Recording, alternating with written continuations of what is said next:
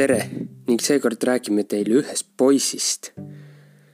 ühest poisist, keda võib nimetada ka Siberi Allahiks. või mitte Siberi, võib-olla Lõuna-Venemaa, Dagestani Allahist. poisi nimeks on Ali Jakobov ja antud hetkel peaks ta olema nii umbes üheksa aastane.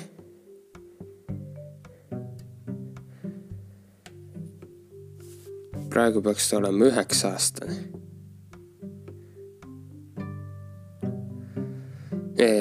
ei küm-, oota, kaks tuhat üheksa, üheteistaastane peaks olema.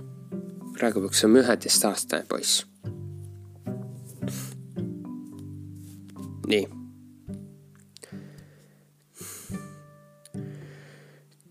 Ali Jakobov elab Lõuna-Venemaal Dagestani Krasno-Oktabjerskis.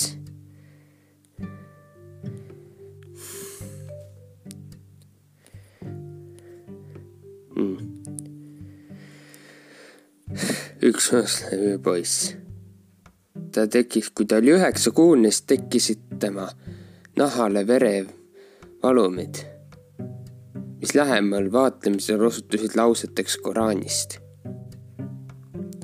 ühes tekst oli näha lapse seljal, kätel, jalgadel, kõhul ja arstid ei leidnud see selg-, mingit selgitust.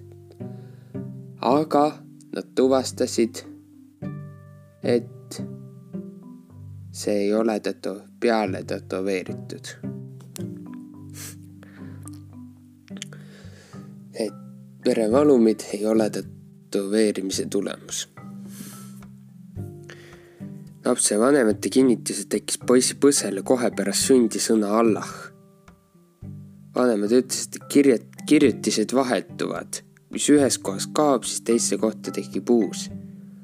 uued sõnad ja laused tekivad umbes kaks korda nädalas ning ilmuvad esmaspäeviti ja neljapäeva-reede vahelistel öödel ning pojal on nende tekkimise ajal väga halb olla. tal on palavik ja ta nutab. poisil. ja alates sellest ajast hakati teda nimetama Allahi kehastuseks. uueks Allahi kehastuseks ja hakati kummardama teda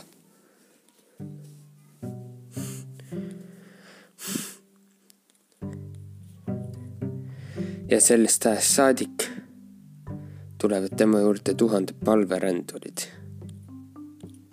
kummardada Jumala Allahi poole. Ali Jakubov. et see mais need märgid tekitas, kui on teada, et need ei ole väljaspoolt tehtud, jääb küsimuseks, kuidas need tekkisid. jah, sellele vist vastust ei leiagi seekord ma olen teadmata ja võimalik, et sarnaseid asju on juhtunud ka mujal. aga kui teil on infot või teate rohkem selle teema või sarnaste teemade kohta, saatke mulle. onju. cookieplaystudio's.gmail.com jah, seekord siis lõpetan. tšau.